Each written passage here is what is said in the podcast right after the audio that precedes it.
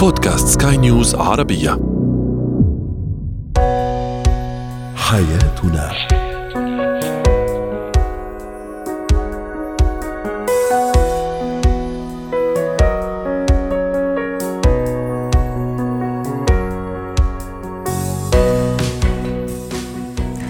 سمعنا الكرام أهلا بكم معنا معنا إلى حياتنا فضاؤكم اليومي الذي يعنى بشؤون الأسرة وباقي الشؤون الحياتية الأخرى والذي يمكنكم الاستماع إليه عبر منصة سكاي نيوز dot com slash بودكاست وباقي منصات سكاي نيوز العربية الأخرى شاركونا عبر رقم الواتساب 00971 561 8862 23 معي أنا أمال شاب اليوم نتحدث عن الذكاء الاجتماعي والعاطفي وكيفية استخدامه أو استعماله والاستفادة منه في التعامل مع أهل الزوج والزوجة ما هي القيلولة؟ ما هي فوائدها عند الطفل؟ وأخيرا كيف نصل لمرحلة الاكتفاء الذاتي والنفسي؟ هو وهي أحيانا تفرض الظروف الظروف المعيشية سواء الاقتصادية وحتى ظروف معينة. لا داعي لذكر هذه الظروف واختلافها من بيئة لأخرى من مجتمع لآخر وأيضا من أسرة لأخرى فكما قلت أحيانا تفرض بعض الظروف على الزوجين أن يقيما في نفس البيت مع عائلة الزوج وعائلة أو عائلة الزوجة.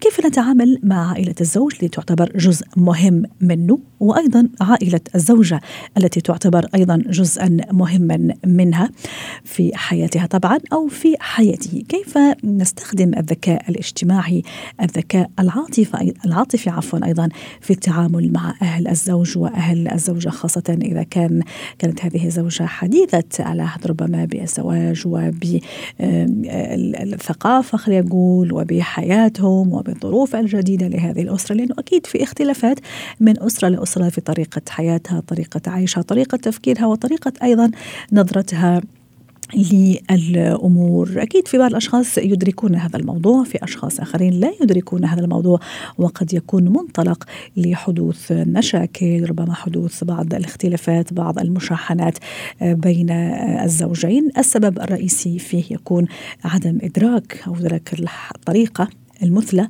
الطريقة الصحيحة للتعامل مع أهل الزوج أو مع أهل الزوجة.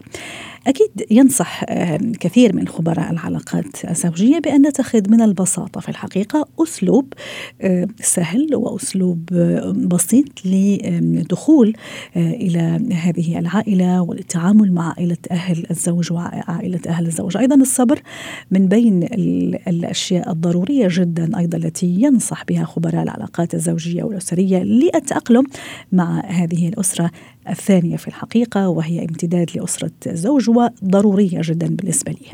للحديث عن هذا الموضوع رحبوا معي بالدكتورة حنان نجم استشارية الصحة النفسية والعلاقات الأسرية والزوجية.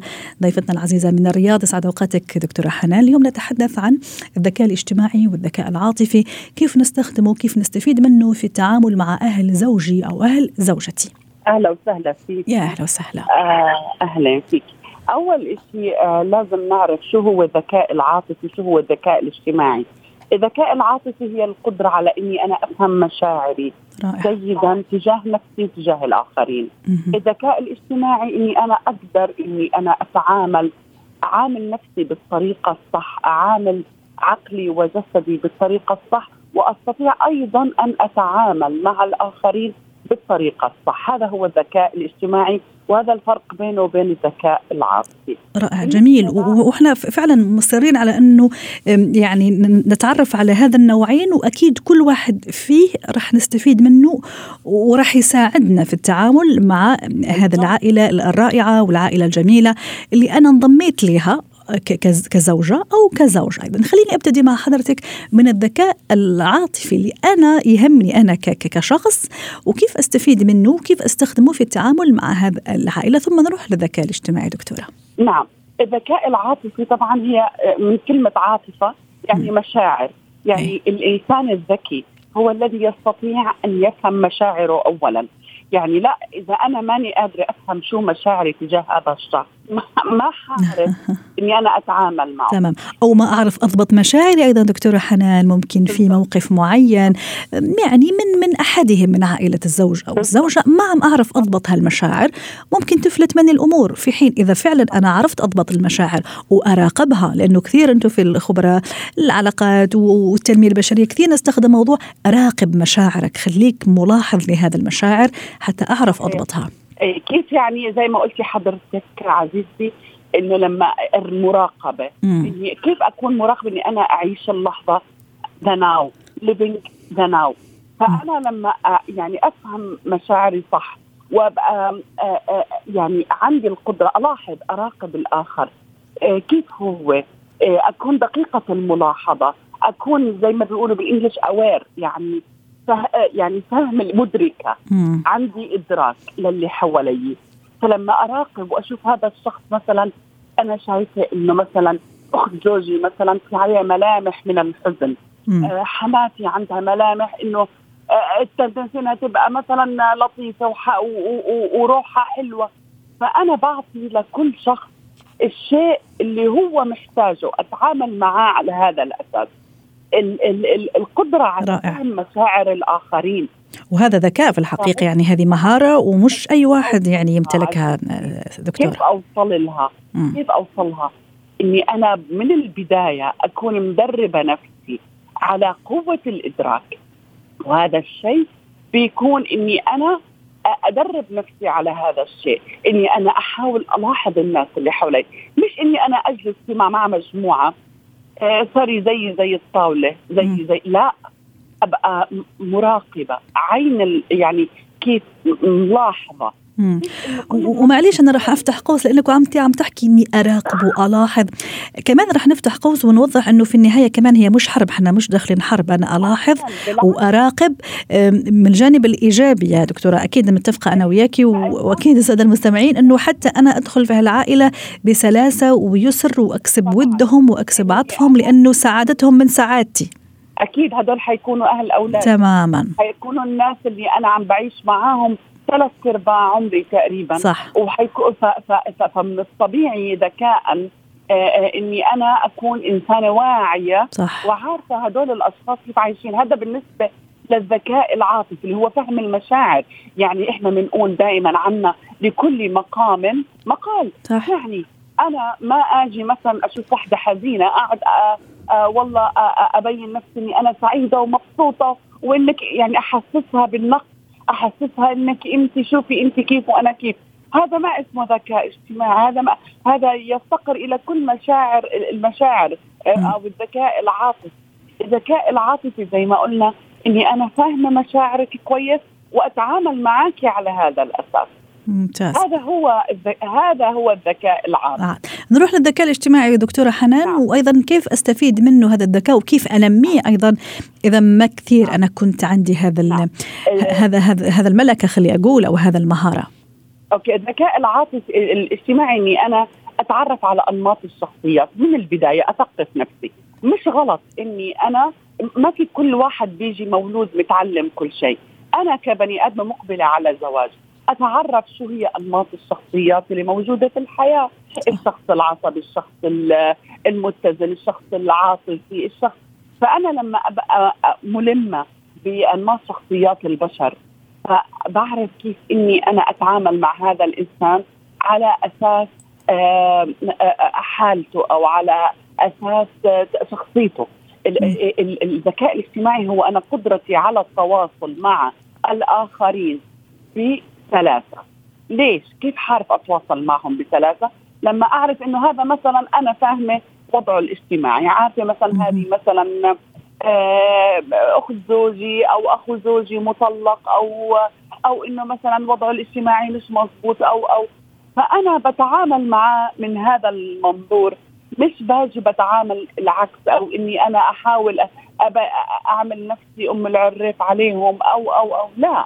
بتعامل معهم بما يتناسب مع وضعهم الاجتماعي جميل. عشان تكون هناك سلاسه في التعامل بيني وبينهم. رائع. أنا كمان في البداية أشرت دكتورة حنان إنه مفهوم الصبر. أتصور كمان الصبر التغافل اللفتات الجميلة أيضا المبادرات الجميلة أيضا التلقائية التعامل على أساس العائلة الواحدة الاحترام تقديرهم. هذه كلها كمان تندرج تحت مفهوم الذكاء الاجتماعي. حتى نختم مع حضرتك.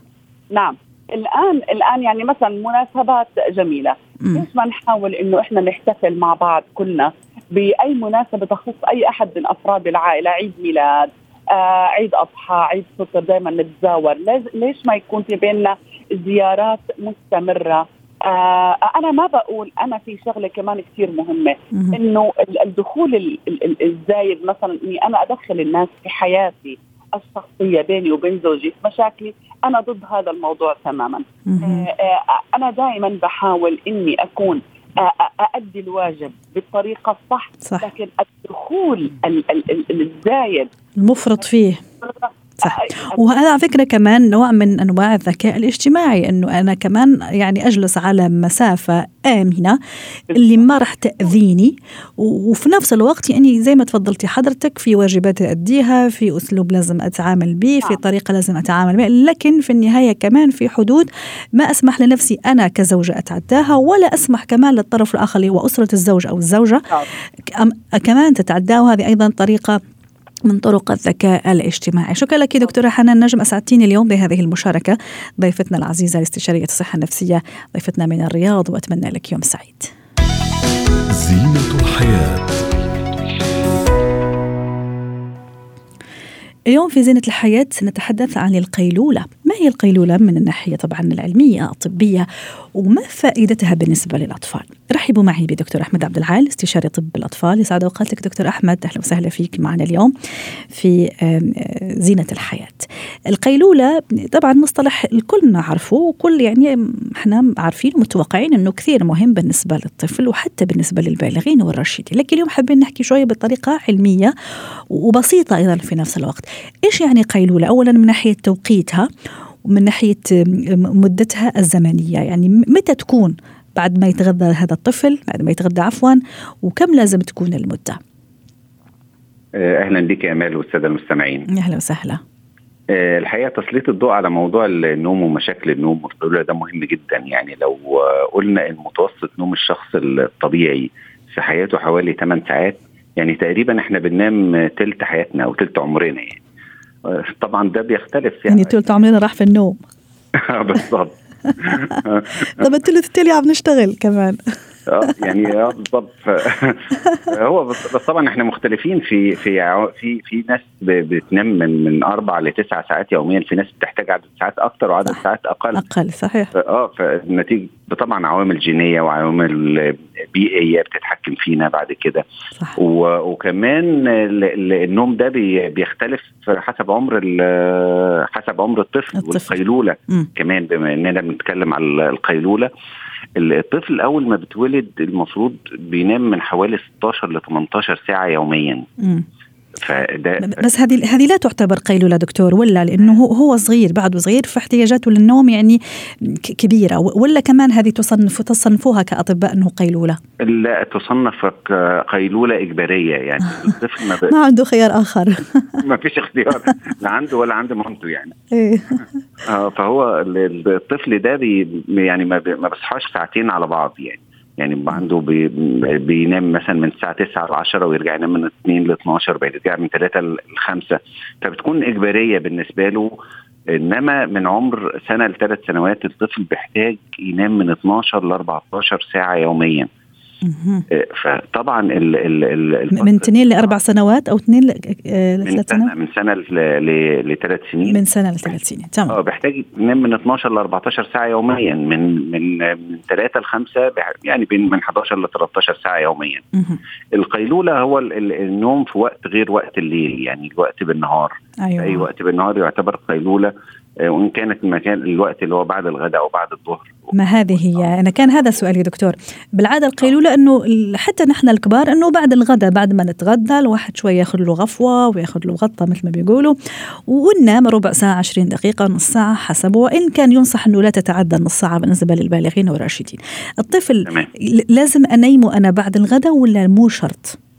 لا والله يفضل. هو طبعا آه، مبدئيا معظم الأطفال بيكون عندهم الجزء اللي هو الغفوه أو آه، القيلوله بعد الظهر. آه، لغاية عمر خمس سنين 80% بيكونوا الأطفال دول يعني استغنوا عن القيلوله للأسف نعم. رغم فوائدها زي ما تفضلت كده وقلتي هي ليها فوائد آه هي ليها فوائد طبعا عديدة جدا يعني. طيب. تفضل. طيب حضرتك عم تقول إنه ينصح إنه بعد الغداء. في مدة زمنية معينة ما لازم يتعداها الطفل لما يعمل هالقيلولة؟ أحيانا ابني أحاول أنيمه بعد الغداء يا دكتور بس ما ينفع. بلاقيه هايبر شوي بده يلعب بده مدري إيش وفجأة يحب ينام ساعة خمسة ساعة ستة. اللي كمان رح تخربط له كمان برنامجه في الليل وما رح أقدر أنيمه في الوقت المعتاد. كيف تنصحوه في هذا الحالة؟ هو ده دور الأهل. انت زي ما تفضلتي ان القيلولة مثلا في الكبار نص ساعة ساعة المفروض ما, ما, تكونش فترة طويلة. في الأطفال من ساعة ساعة ونص. يعني أقصى حاجة ساعتين ليها أقصى وقت للقيلولة. إنما ينصح من ساعة لساعة ونص فيها ده الوقت اللي ينصح فيه. آه، طبعا في اختلاف يعني هوضحه زي ما تفضلت كده. يعني في آه، أطفال بتستجيب وأطفال لا تستجيب. صح. إن آه. انما لازم نعرف إيه هل فيها فايدة للطفل ولا لأ؟ يعني قبل ما ما نشوف نعملها للطفل ولا نساعده عليها وبعد كده نشوف نساعده إزاي. طيب يلا نحكي على الفوائد. طيب الفوائد إن الطفل يعني مطلوب منه إنه ينام من 12 ل 14 ساعة بالليل. طبعا ده ده ما بيحصلش يعني ما فيش طفل غالبا بينام الوقت الطويل ده. فالقيلولة دي بتعوض أو بتزود آه، ساعات نومه فعشان تعوض النقص النومي النقص الليلي في عدد ساعات النوم. فده ده مهم. مهمه جدا في إعادة شحن سواء للمجهود أو أو عقل الطفل لقيوا كمان إنها بتنشط آه، خلايا المخ. صح. وعايز أقول لك كمان في آه، دراسات اتعملت على مجموعتين من الأطفال مجموعة بتنام قيلولة ومجموعة ما بتنامش قيلولة. لقيوا اللي بيناموا أكثر نشاطا. وأكثر تحصيل دراسي وبيستمر تحصيلهم لغاية تاني يوم مش مش في نفس اليوم بس أه. وحتى على المستوى النفسي أكثر سعادة وأقل توتر من من المجموعة الأخرى 100% وأنا قدامي كمان دراسة تقول كمان أكثر تركيزا دكتور. زي ما تفضلت حضرتك هذه راح نضيفها لنصائحك الجميلة والمعلومات الرائعة اللي دائما تعطينا إياها. وتساعد أيضا على استرخاء العضلات وتغذيتها مما يعني زي ما تفضلت أيضا تزيد من قوة ونشاط الطفل. يعني نجهز حالنا بعد ما يعمل الطفل قيلولة نجهز حالنا ليه لوجبة من ال من ال من النشاط. بيشحن نشاط ذهني وجسدي وعقلي يعني. تماما. مع طبعا بس لازم ناخد في في الاعتبار الاختلافات الشخصية. م. يعني زي ما في اختلافات بين الكبار في واحد ممكن ينام أربع ساعات يكفوه وواحد ينام تسع ساعات. ده برضه في اختلاف بين الأطفال. في أطفال بيناموا فعلا بالليل وقت كافي وقت طويل. يعني الطفل من الساعة 8 ينام لغاية تاني يوم. في امهات بتقول كده انه ما بصحاش خالص لغاية لغاية تاني. ده مش محتاج آه، قيلولة. آه. لو لو آه زي ما تفضل. يعني مثلا إذا صحى الساعة 11 خلينا نقول أو الساعة 12 فعلا زي ما تفضلت هو خلص شبعان نوم ما راح يعمل قيلولة. أنا في هالحالة ما أجبره وبعدين ممكن هو راح شوية يعني يضاين أو يتماسك لكن ساعه 5 6 بلاقيه ممكن عيونه مغمضة بده ينام. ورح تعتبر قيلولة متأخرة. ينصح أني أخليه ينام إن شاء الله ربع ساعة المهم يعني ينحي هذيك الغفوة ولا لا. أمنعه من إنه عفوا ينام حتى ما يتخربط برنامجه في النوم في الليل. لا لا لا لا ما ينصحش إنه ينام متأخر في وقت م. متأخر. في ميعاد للقيلولة ما ينفعش نتعداه وإلا لو نام في وقت متأخر مش هيعرف ينام بالليل وهندخل في cycle في cycle يعني مش مش م م مش لطيف ممكن حتى يصحى مزعوج على فكرة دكتور صح؟ آه آه. آه بالظبط هيبقى بقية اليوم كله مش مظبوط يعني م. حتى مش هيعرف ينام. حتى أنا بقول للأمهات لو لو ابنك حتى في القيلولة بياخد أكتر من 30 دقيقة عشان يعرف ينام سواء بالليل أو بالنهار لا ما ينامش قيلولة يبقى القيلولة مش مناسبة ليه. يعني القيلولة مهمة جدا وفيها فوائد كتيرة ما مش المطلق لأن إحنا فينا زي ما يعني ما قلت لك كده في البداية في اختلافات جينية وهي بتتحكم فينا وظروف كل بيت كمان غير غير الثاني فلازم ناخد بالنا آه، دكتور حتى نختم مع حضرتك. يعني مثلا إذا النو إذا يوم مثلا استجاب ويوم لم يستجب عادي أخليه على راحته صح؟ المهم إني أحترم الوقت أو الفترة الذهبية خلي أقول لها القيلولة اللي هي بعد الغداء. وكمان المدة الزمنية اللي هي كمان مدة زمنية ذهبية ما لازم يتعداها. آه، تمام. بس آه، يعني أحب أقول إن إحنا في طرق كمان نساعده على النوم أو م. يعني الطفل دايما ما بيكونش عارف مصلحته أو كده فإحنا في طرق إحنا ممكن نتحايل بيها عشان الطفل ينام. لازم نوفر له بيئة آه، آه، صالحة للنوم يعني الغرفة تكون مظلمة ضوء خافت. ممكن يكون آه، لازم طبعا الفرشة تكون مريحة بالنسبة له. عمل روتين للنوم ده مهم جدا للأطفال بالنهار بالليل سواء آه سواء في القيلولة أو بالليل. واضح. يعني آه يعني التزام بوقت ثابت للنوم واضح. بالليل أو بالنهار. واضح. شكرا شكرا لك دكتور أحمد عبد العال استشاري طب الأطفال. اسعدتنا اليوم بهذه المشاركة. مهارات الحياة. اليوم في مهارات الحياة نتحدث عن الاكتفاء الذاتي والنفسي. ماذا يعني الاكتفاء الذاتي والنفسي؟ وكيف أصل لهذه المرحلة؟ رحبوا معي برزان الكيلاني مدربة مهارة حياة. أسعد أوقاتك أستاذة رزان. أهلا وسهلا فيك معنا اليوم في آه، آه، برنامج حياتنا ونتحدث عن الاكتفاء الذاتي. كيف أصل لهذه المرحلة؟ أهلا فيكم. يا أهلا طبعا وسهلا. إحنا اليوم خم نحكي عن الاكتفاء الذاتي بمعنى آه، أو من منحى نفسي بمعنى انه الإنسان كيف يحقق الرضا والسرور آه، والاكتفاء والقناعة من حياته. طبعا إحنا عايشين في زمن الآن آه، يكثر فيه الاستهلاك فبالتالي آه، كل ما استهلكنا كل ما نسعى لاقتناء المزيد معتقدين إنه كل ما أنا أقتني الشيء اللي بدي إياه أنا بالتالي لازم أكون سعيدة شرطا. وهذا طبعا الأبحاث أثبتت عكس ذلك. وكذلك إحنا بالحياة العادية اكتشفنا عكس ذلك. فالاكتفاء الذاتي بيجي بالأساس من إني أنا ما أحاول اسعى للسعاده ولكن أكتفي بما عندي بمعنى إني أنا أكون سعيد بما عندي مقتنع بما عندي. مم. وهذا لا ينافي إني أكون طموح. هذا ما كنت راح أسأل. هذا ما راح يثبطني ما راح يحبطني ما راح يخليني خلاص ما عندي هالطموح ما عندي هالشغف لا أحقق الاحسان وأطمح لما هو أكبر وأحسن. بالضبط بالضبط. يعني القناعة هي أني أنا ما أكون عم بحرق نفسي م. في سبيل خوفي من المستقبل. أها حلو. أو سعي لهدف ما في المستقبل. أنا مش لازم أحرق نفسي.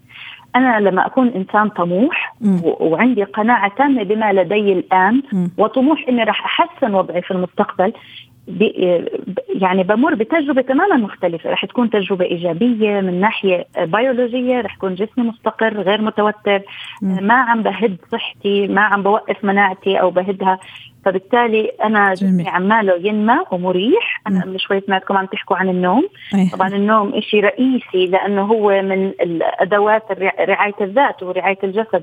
فبالتالي مثلا النوم برضه جزء كثير رئيسي. فإحنا بنعرف إن التوتر يؤدي إلى اليقظة بالليل وقلة النوم. تماما. مثلا آه، الاعتناء بالنفس يؤدي إلى القناعة بالقناعه والرضا والاكتفاء.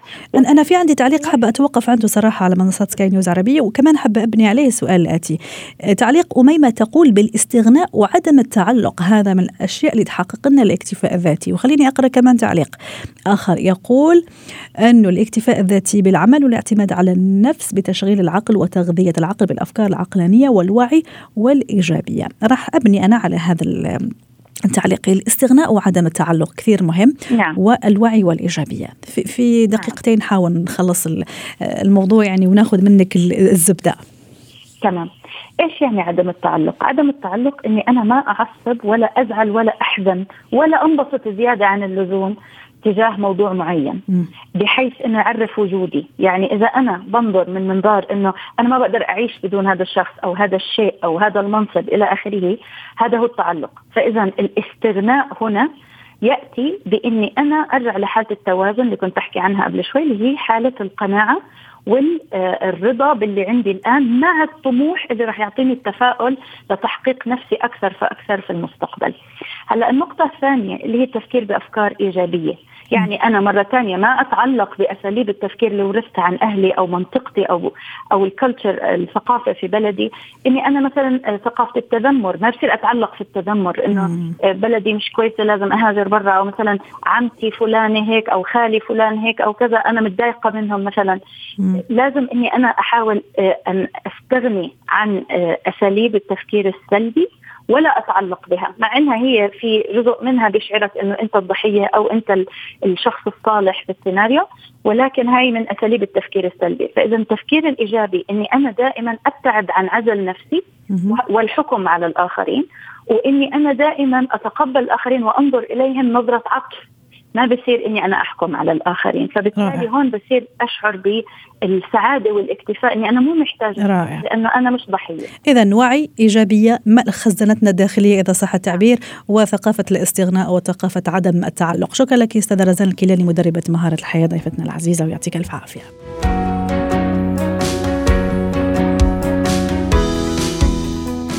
ختام حلقة اليوم من حياتنا. شكرا لكم وإلى اللقاء.